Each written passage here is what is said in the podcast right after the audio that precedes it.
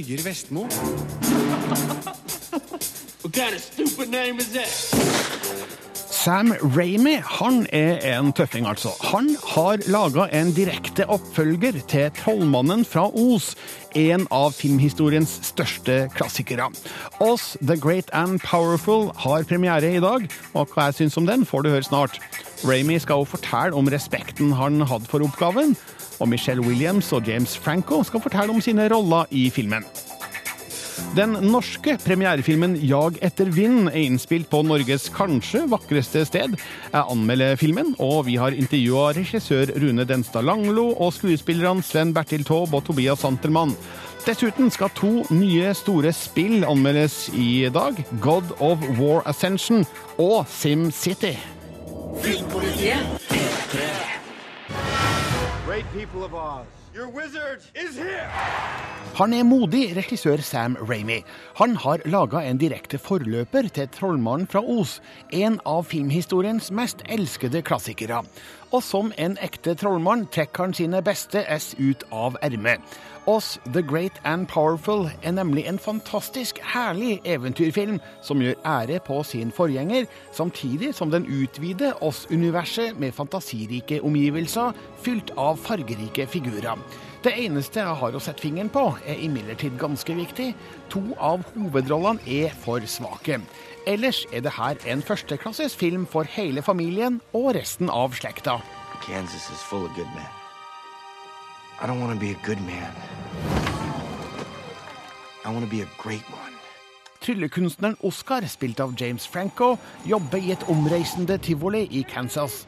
En tornado blæser han av gårde i en luftballong. Noe magisk skjer, og han ender opp i eventyrlandet Os. Der møter han to heksesøstre, Theodora, spilt av Mila Kunis, og Evanora, spilt av Rachel Weisz, som forteller han at han ifølge en spådom er den nye kongen av Os, bare han først knekker tryllestaven til den onde heksa Glinda, spilt av Michelle Williams. Oscar legger av gårde, men skal oppdage at oppdraget blir annerledes enn venta. Allerede i begynnelsen forstår jeg at filmens tone er i tråd med originalen, med sort-hvite bilder i gammeldags firkantformat. Jeg legger òg merke til at all lyd er i mono, men så kommer indikasjoner på noe større og bredere. En flamme blåser ut av billedramma, tornadoen blåser lyden ut i alle kanaler, og når Oscar oppdager Os, utvides bildet til superbredt format med sterke Technicolor-farger og super 3D-dybde. Her syns jeg Sam Ramy har en perfekt start på eventyret. Last. Persongalleriet er viktig, og det fins mange herlige figurer. Spesielt imponerende er Oscars følgesvenner, en bevinget ape og ei jente av porselen. James Franco, Michelle Williams, Mira Kunis og Rachel Weisz gjør òg fine roller, men jeg føler at Franco virker merkelig uengasjert, noe han sikkert ikke er. Men hans fremtoning antyder at han ikke tar det her særlig seriøst. Og Mira Kunis er litt for mye glamourjente til at jeg godtar hun som eventyrheks, med mindre åletrange skinnbukser er vanlig kultur i Ås. Jeg syns altså at filmens største roller kunne vært takla noen hakk bedre. Men bortsett fra det her pirket, er oss The Great and Powerful en film jeg absolutt ikke ville ha vært foruten. Den flommer over av rik fantasi, er svært lekkert filma og forteller en underholdende historie som utforsker menneskelig moral på sedvanlig hollywoodsk vis. Det handler om å finne det gode i seg sjøl, stol på egne egenskaper og overvinne umulige odds. Stor originalitet er det kanskje ikke, men i en forløper til 'Trollmannen fra Os' gjelder det ikke å finne opp kruttet på nytt, men å få det til å smelle kraftigere. Sam Ramy sier simsalabim og får det til å skje. We're going to need everyone to believe. Dette er Filmpolitiet på P3.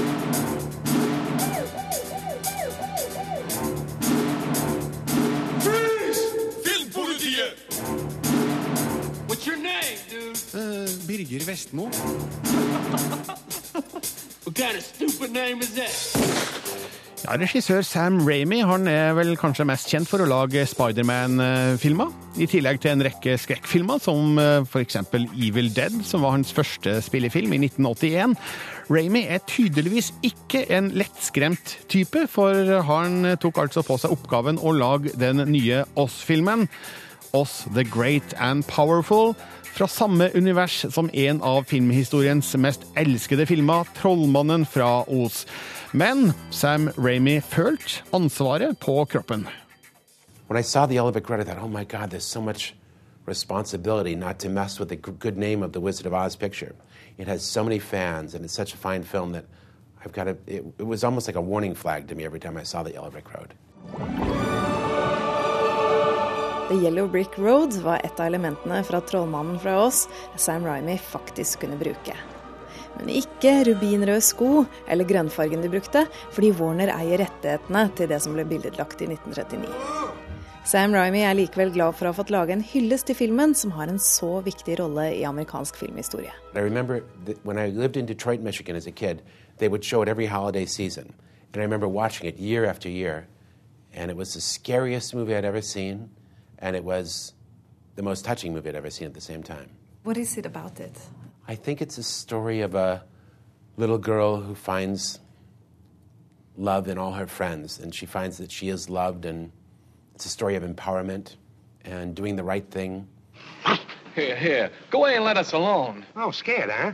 Afraid, huh? One of my favorite moments in that movie is when that lion is scaring Toto, and she, they're all scared, but she slaps that that creature and says, "That's not nice." What did you do that for?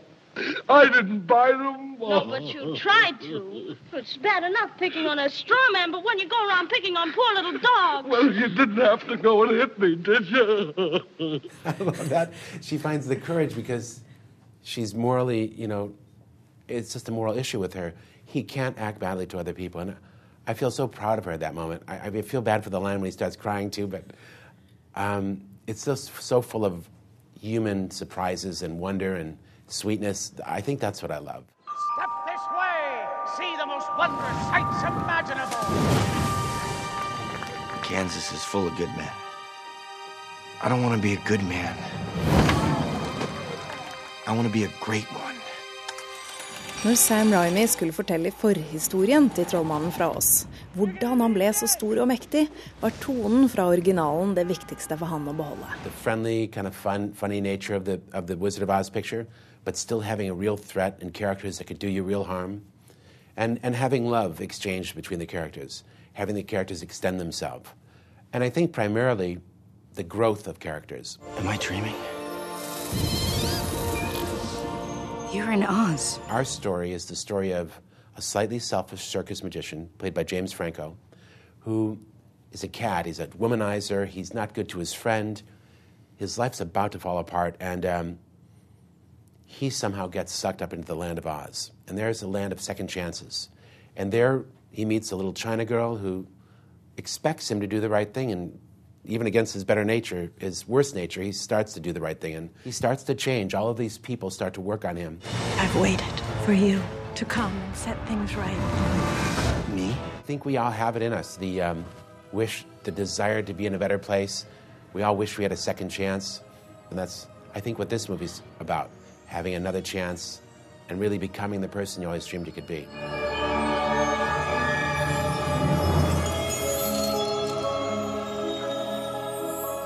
Regissør Sam Ramy ble intervjua av Mona B. Riise i California. Hun har òg møtt to av filmens eh, skuespillere, nemlig James Franco og Michelle Williams. Og Michelle Williams forteller straks eh, hvordan hun tror trollmannen fra Os faktisk speiler livet sjøl.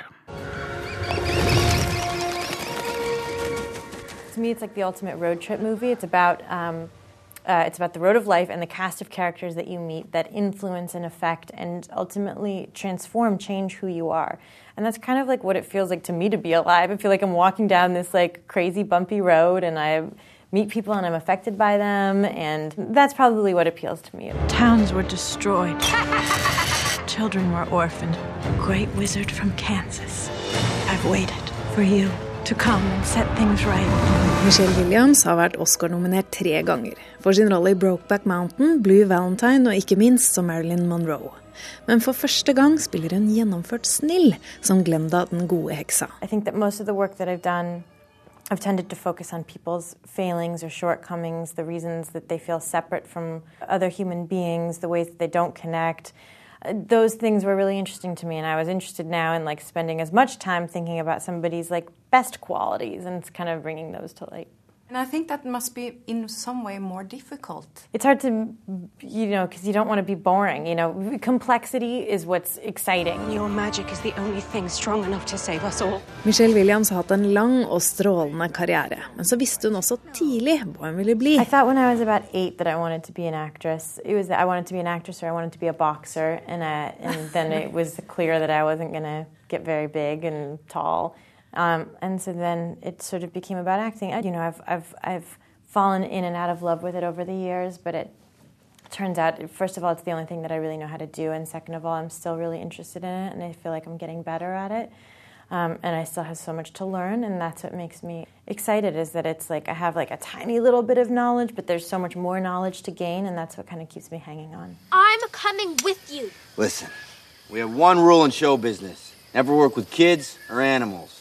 I'm already working with this thing. Relax. James Franco spiller hovedrollen som oss, den litt stusslige tryllekunstneren som blir stor trollmann. One of the things I loved about the way the character was written is that he is a flawed hero, that he's not um, an earnest, you know, um, take charge kind of, of character. He is uh, a little bit of a coward, he's uh, a little selfish, and uh, he's a bit of a womanizer. If it was just an earnest fairy tale, I feel like it would maybe play only for kids. I might not actually be a wizard. What are the similarities between you and you as a person and Oz the character?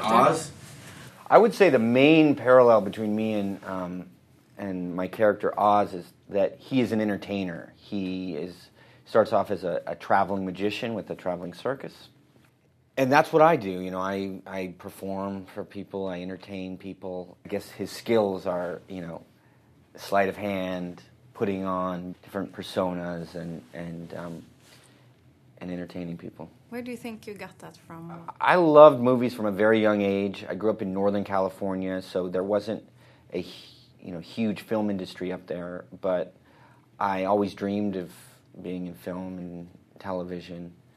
But I was very shy, so I never never acted. And then my senior year, I I started acting, and I played Dostoevsky's The Idiot, and um, and I had the bug, I guess, and I moved to LA and left UCLA after a year and went to acting school, and that was it. How hard could it be to kill a wicked witch? Hard! Really hard. It's very, very hard to kill a wicked witch. Filmpolitiet på P3.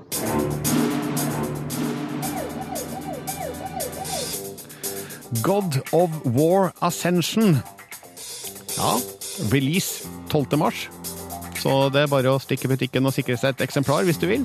Det er det sjuende i serien, og forteller da den eh, første historien, altså opprinnelsen til hele God of War-serien. Rune Håkonsen har testa det, og her er hans dom. Many know the legend of Kratos, the mortal turned god who brought down the very walls of Olympus. But there was a time before Kratos became the monster known as the Ghost of Sparta. Historiene om de gamle greske gudene er fascinerende. Storslagne maktkamper mellom dusinvis av fantasirike guder og halvguder. Kriger som ble startet pga. forbudt kjærlighet og sjalusi. God of War Ascension forsyner seg friskt av antikkens overflødighetshorn og skildrer Kratos' mange kamper og konflikter med innbyggerne på Olympusfjellet. Omkring ti år før hendelsene i det første God of War-spillet fra 2005 er Kratos fengslet for å ha brutt en blodpakt med guden Ares. Samme gud som lurte ham til å ta livet av sin egen kone og barn. Hevn er eneste løsningen for spillverdenens mest muskuløse og ja, sinteste mann. Enkeltspillerfortellingen skjemmes av slappe grep og en intens dramaturgi som ikke gir rom til kontraster, men spillet introduserer en vellykka flerspillerdel til God of War-serien. You leave an army in disarray. Return to us, General. Fra første stund slår spillstudio Sony Santa Monica på stortromma. Kratos trenger ingen introduksjon, historien trenger ingen oppvarming, og utviklerne har bestemt seg for at det ikke er grunn til å spare på kruttet. Etter knappe 30 minutter er en enorm kamp mot en forhistorisk kjempe allerede over. Svimlende høyder, templer som går i oppløsning og ekle monster med farlige våpen. Dette høres storslagent ut, men intensiteten i God of War Ascension gjør at spillet ikke oppleves som like dramatisk. Når pulsen er på maksnivå hele tiden, blir jeg ikke bare litt sliten, jeg blir også litt nummen. Pain is all I have left. Selv når det er litt hjernetrim i veien for Kratos' videre ferd, gjør kampsystemet sitt for å holde intensiteten oppe. Puslespillene er kløktig satt sammen, men består i høy grad av de samme byggebrikkene kjent fra tidligere. Dra i denne spaken, sving deg i denne kroken, bort til denne plattformen, dytt litt på denne esken, slåss mot x antall nye fiender, og ferdig. Flyten i kampene er uslåelig, mye pga. de gode animasjonene. Etter hvert som Kratos samler erfaringspoeng, låses det også opp nye våpen og spesialangrep. Til slutt sitter du med et imponerende arsenal og et stort bibliotek med triks for å overvinne selv de sterkeste av de greske gudene. Den store valgfriheten føles likevel aldri overveldende, og læringskurven lot meg til stadighet oppdage nye taktikker og måter jeg kunne desimere det enorme antallet fiender som står i veien. Helt nytt i dette spillet er muligheten til å ta med den sinte Kratos sine egenskaper ut i kamp med andre spillere. Og det fungerer knakende godt. Faktisk er flerspillerdelen i God of War Ascension mye mer interessant enn enkeltspillerfortellinga, for her er det du som må ut i intense kamper. I starten må du velge mellom fire yrker som er godt kjent fra rollespillenes verden. Kriger, tyv, magiker eller hjelper. Alle kan slåss, men har spesifikke egenskaper som kommer til nytte på forskjellig vis. For det er ikke bare alle mot alle, eller én spiller mot en annen spiller. Lagkamper er en viktig del av opplevelsen, og da må laget du spiller med, også være balansert. Alle egenskapene fra Kratos' enkeltspillerhistorie er tilgjengelig, men i tillegg åpner kamperfaring fra flerspillerdelen for en rekke unike egenskaper, som igjen gjør kampene varierte og uforutsigbare. Flerspiller er et velkomment tillegg til God of War-serien. Enkeltspillerfortellingen når ikke samme høyde som God of War 3. Historien, figurene og hendelsene introduseres ikke på en tydelig måte. Det er ikke alltid lett å følge med. Kamera holder seg noen ganger så langt unna Kratos og kampens hete at det er vanskelig å forstå og se hva du bør gjøre. God of War Ascension er likevel en heftig dose med testosteron, med en ultramaskulin helt på jakt etter hevn. Blandingen av moderne underholdning og gammel gresk mytologi er så vellykka at jeg lurer på når vi får se vikingversjonen av Kratos.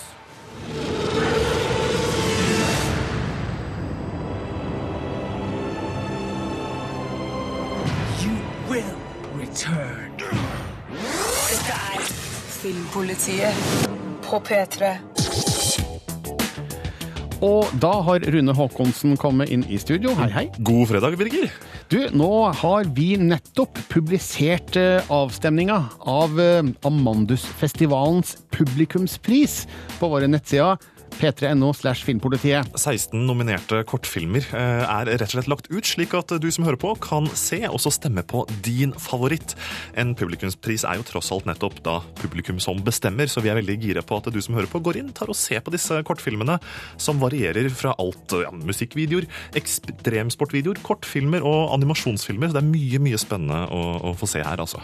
Og Amandusfestivalen er et årlig arrangement som uh, skjer i Lillehammer eh, hvert år eh, i uka før påske. Mm. Og det er da for unge filmskapere under 20 år med forskjellige workshops, eh, seminarer og ikke minst da en storstilt prisutdeling som eh, selve kulminasjonen av eh, festivalen. Og det er jo der altså selvfølgelig denne prisen skal deles ut. Prisutdelingen det er torsdag i neste uke, så hvis du som hører på har lyst til å se disse kortfilmene og stemme, så er det viktig at du er litt, litt rask på labben, rett og slett.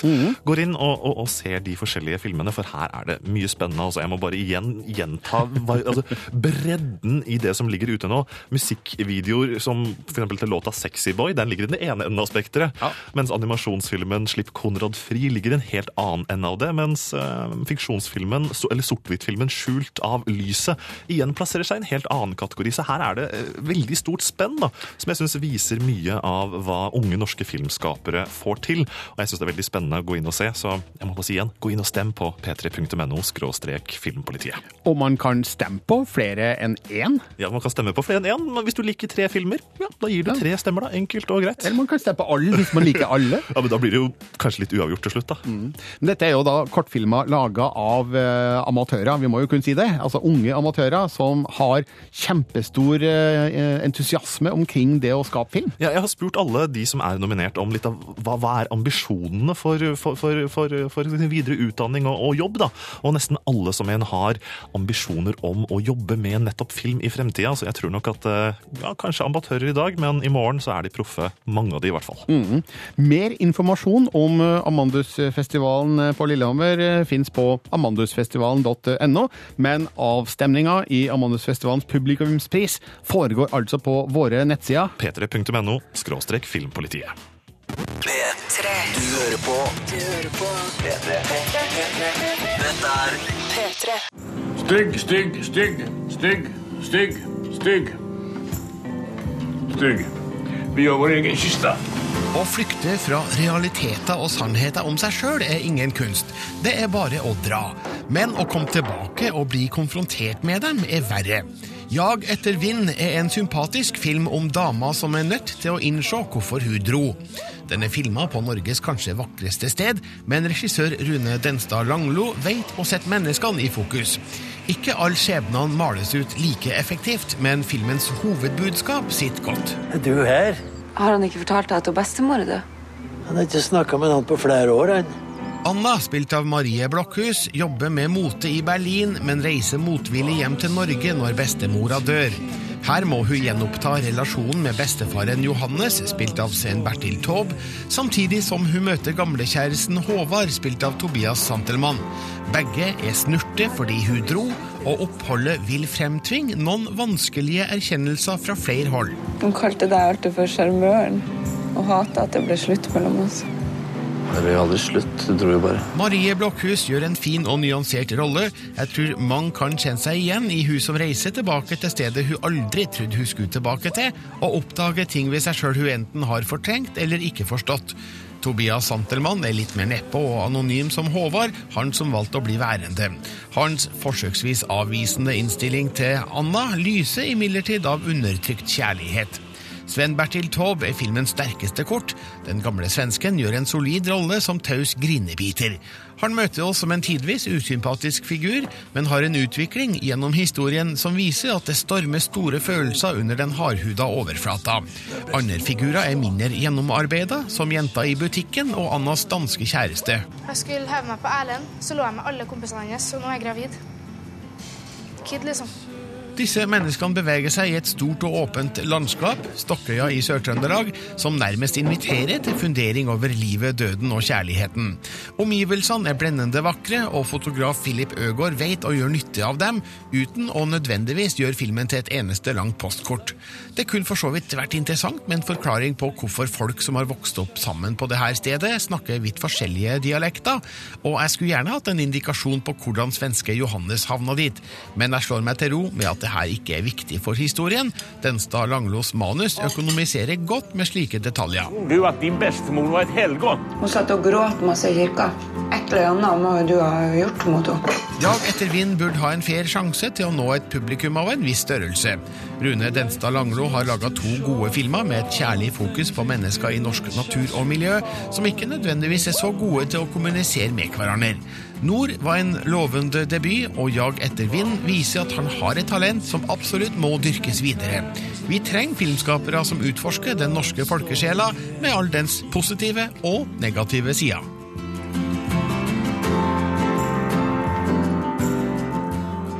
Dette er Filmpolitiet på P3. Regissør og manusforfatter Rune Denstad Langlo har tatt det personlige temaet til grunn når han skrev historien om ei kvinne som møter sin bestefar i felles sorg over sin avdøde bestemor. Så Opprinnelsen til manuset som jeg skrev, er jo en episode i mitt eget liv. Eh, Når bestefaren min døde, og jeg måtte være tre dager med min bestemor alene før begravelse. Som var et sånt vendepunkt da, kanskje i mitt eh, liv. Jeg var 25 år og det var mitt første møte med døden. Eh, Det var kanskje da jeg ble voksen, da, kan jeg si. Regissør Rune Denstad Langlo skrev manuset for Jag etter vind i huset til bestemora si. Men i filmen er han skifta ut med ei ung kvinne. Hun er jo på en måte meg, egentlig. Men litt, det har kanskje vært litt for personlig å ha gjort det til en, til en gutt, så det, jeg valgte å snu om på det. Jeg tror det er kanskje mye mer energi, da, og det handler heller ikke så veldig mye om meg, for det kommer til å bli en ganske kjedelig film tror jeg, hvis jeg skulle lage film om min historie. Eh, så det er jo dramatisert, men det er de stolene jeg satt på når jeg var liten, på samme måte. Eh, jeg bruker veldig mye sånne ting for å gjøre, eh, gjøre det emosjonelt sterke for meg sjøl. Sånn at liksom, at det er troverdig. Da. At det er på en måte ekte. Og Det hjelper ofte også på skuespillere. Når de eh, får lov til å ta del i en, eh, noe virkelig. Vi måtte jo finne eh, altså Anna-karakteren først. Så det vi begynte med, og Da hadde jeg bare hørt rykter om ei fantastisk skuespillerinne som jobba på Norske Teatret. Som var nettopp ferdig på, på eh, teaterskolen. Eh, Det var flere som liksom, Det var sånn buzz rundt det navnet.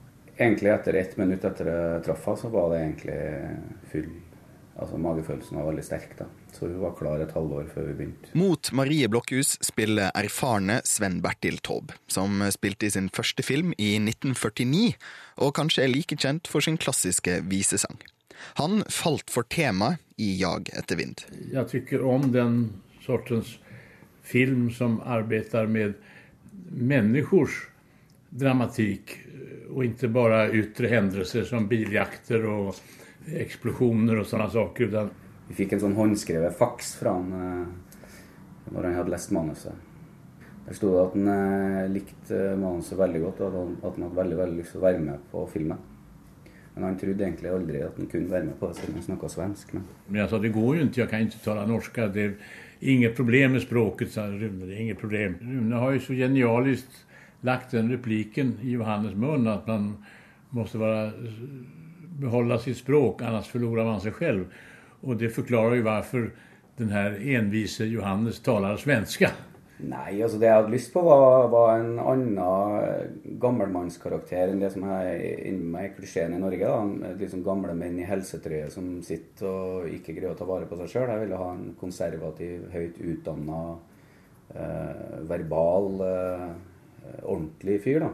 Som, eh, som har det problemet at han ikke greier å kommunisere, men at han, du ser at han er en, eh, en litt annen type. da. Og da passer jo bra med svensker, fordi de er jo litt sånn Litt sånn mm. Det handler om premierefilmen Jag etter vind, som er anmelder på p3.no slash filmpolitiet, om du ikke hørte på radio nå i sted. Eh, Sven Bertil Taube spiller en av hovedrollene i den. Eh, Den gamle, ærverdige svensken har eh, spilt inn filmer i en årrekke, og nå altså Jag etter vind. Og han mener denne filmen krever oppmerksomhet. Det er framfor alt en film som man ikke kan titta på slött, om man säger bara låta passera.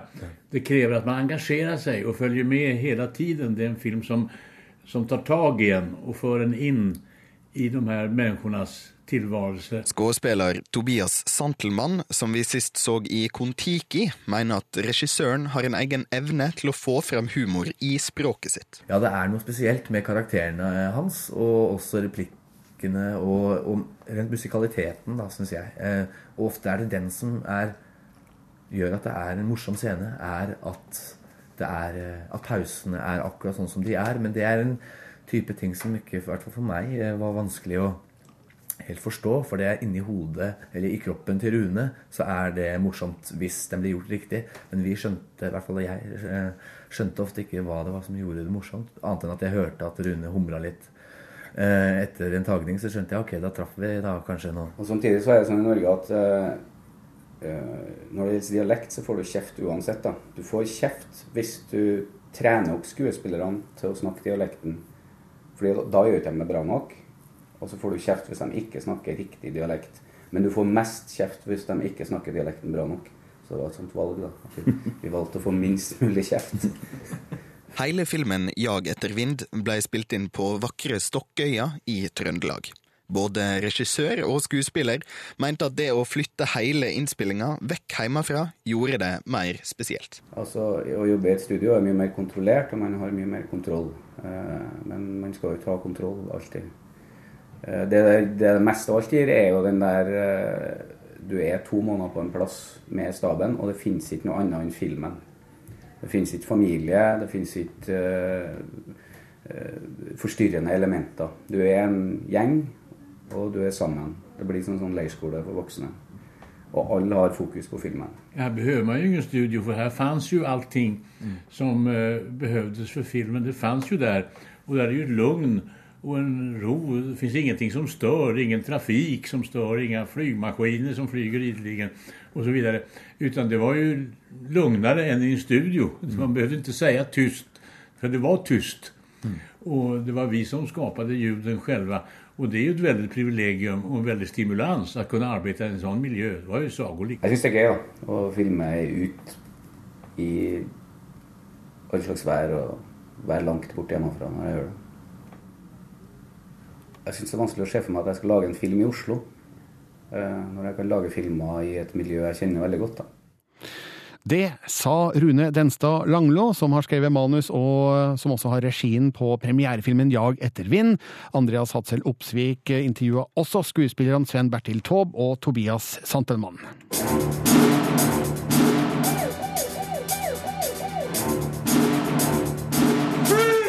Filmpolitiet! Nok en premierefilm skal under lupen.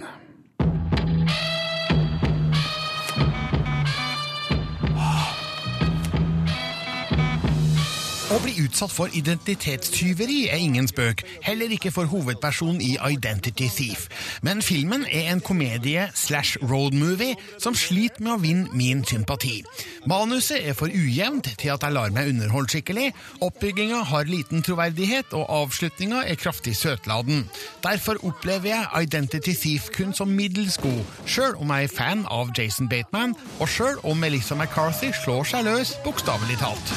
Patterson, you missed your court date in Florida three days ago. I'd even been to Florida. Pull a mugshot.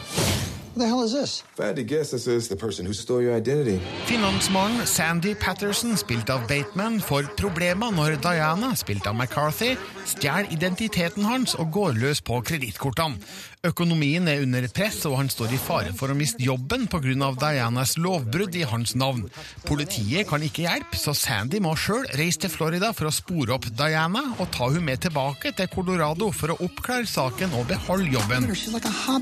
I can handle her. This is crazy. You don't chase criminals. Melissa McCarthy er kjent fra Bridesmaids og er et av USAs store humortalenter. Jason Bateman har vist sine komiske kvaliteter i serien Arrested Development, og de forsøker virkelig hardt i Identity Thief, men uten å lykkes helt. McCarthys figur er så gjennomgående usympatisk at jeg ikke er i stand til å heie på henne sjøl når filmen vil at jeg skal det. Og Batemans figur er i utgangspunktet så grenseløst naiv at han fortjener det som kommer. Jeg føler òg at manuset gjør han dummere enn han fremstår som. Awesome. McCarthy har helt klart noe å fare med som komiker, men i denne filmen er hun nesten en parodi på en elefant i porselenbutikk. Det gjøres et poeng av hennes kroppsfasong ved flere anledninger. Vi skal le av at hun er feit. Sånt gidder ikke jeg. Hennes vesen er åpenbart kraftfullt og ikke uten egenskaper, men feitevitser er ikke morsomt. Bateman gjør det han kan best, nemlig å være streit som streiting. Han har noen inspirerte øyeblikk, men ser ellers ut til å være passasjer. That's not a compliment. Identity Thieves premiss er for så vidt lovende, men ender opp som en litt anonym roadmovie som vi har sett mange bedre-versjoner av. Det har fremdeles en viss underholdningsverdi å oppleve to personer som må tilbringe tid med hverandre mot sin vilje, sjøl om konseptet på samme tid virker litt oppbrukt. Men filmen skulle gjerne vært enda villere på humorfronten og hatt mye mindre søtsuppe mot slutten. Treeren er fortjent. Dette er Filmpolitiet på P3. SimCity er en av de store spillklassikerne fra 1989, skapt av Will Wright. Nå har eh, en ny versjon kommet. Den heter også SimCity, og anmeldes av Rune Håkonsen. Hvert nye SimCity-spill har introdusert nye funksjoner og muligheter. Verktøy som kan brukes til å skape din by slik du vil.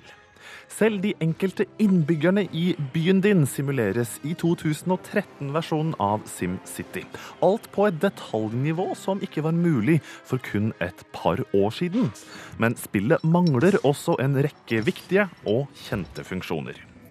Glassbox-motoren, som driver det nye SimCity-spillet, roper etter mer plass og friere tøyler. Slik spillet er i dag, kan det best sammenlignes med et villdyr i bur.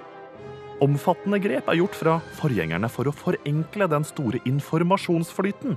Før var det ikke så lett å se hvordan man kunne få ned brannfaren, eller hvor det var best å bygge nye bussruter. Grafer og statistikk har blitt byttet ut med visualiserte lag av farger, som forteller deg f.eks. hvor det er høy brannfare, eller hvor du kan trygt pumpe drikkevann. Mens du selv måtte legge kloakk og vannrør i SimCity 4, er alt innebygd i veisystemet i nye SimCity. Både strøm, vann og kloakk blir automatisk koblet til veinettet når du bygger ut byen din. Veisystemet er en av de mest radikale forandringene i spillet. Du må alltid bygge ut ifra en eksisterende vei, men kan velge mellom rette veier og buede gater, noe som gir stor frihet til å utforme en by slik du vil. Systemet er enkelt å forstå og senker terskelen for helt nye spillere.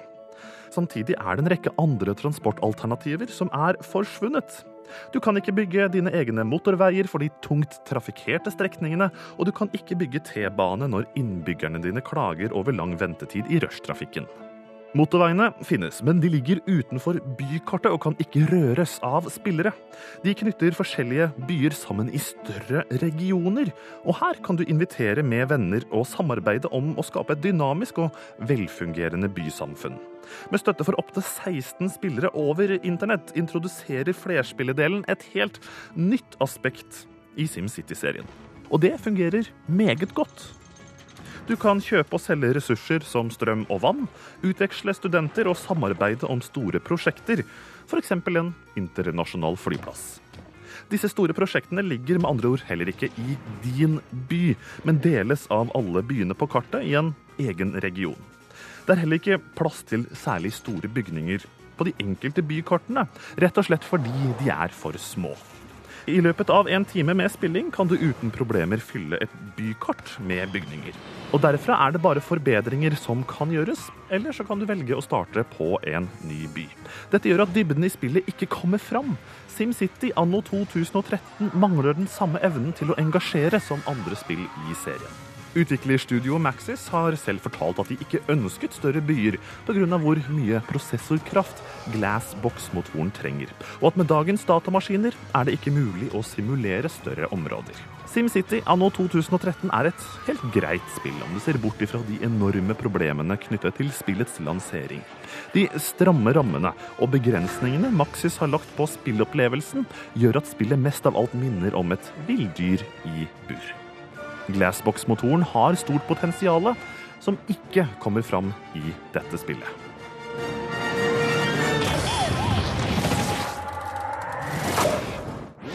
Dette er Filmpolitiet på P3.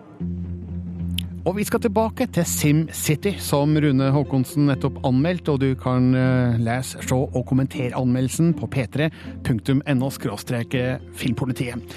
Lanseringa av eh, SimCity har gått ned i spillhistorien som en av de mest katastrofale. Men det er ikke bare derfor Rune er skeptisk eh, til spillet.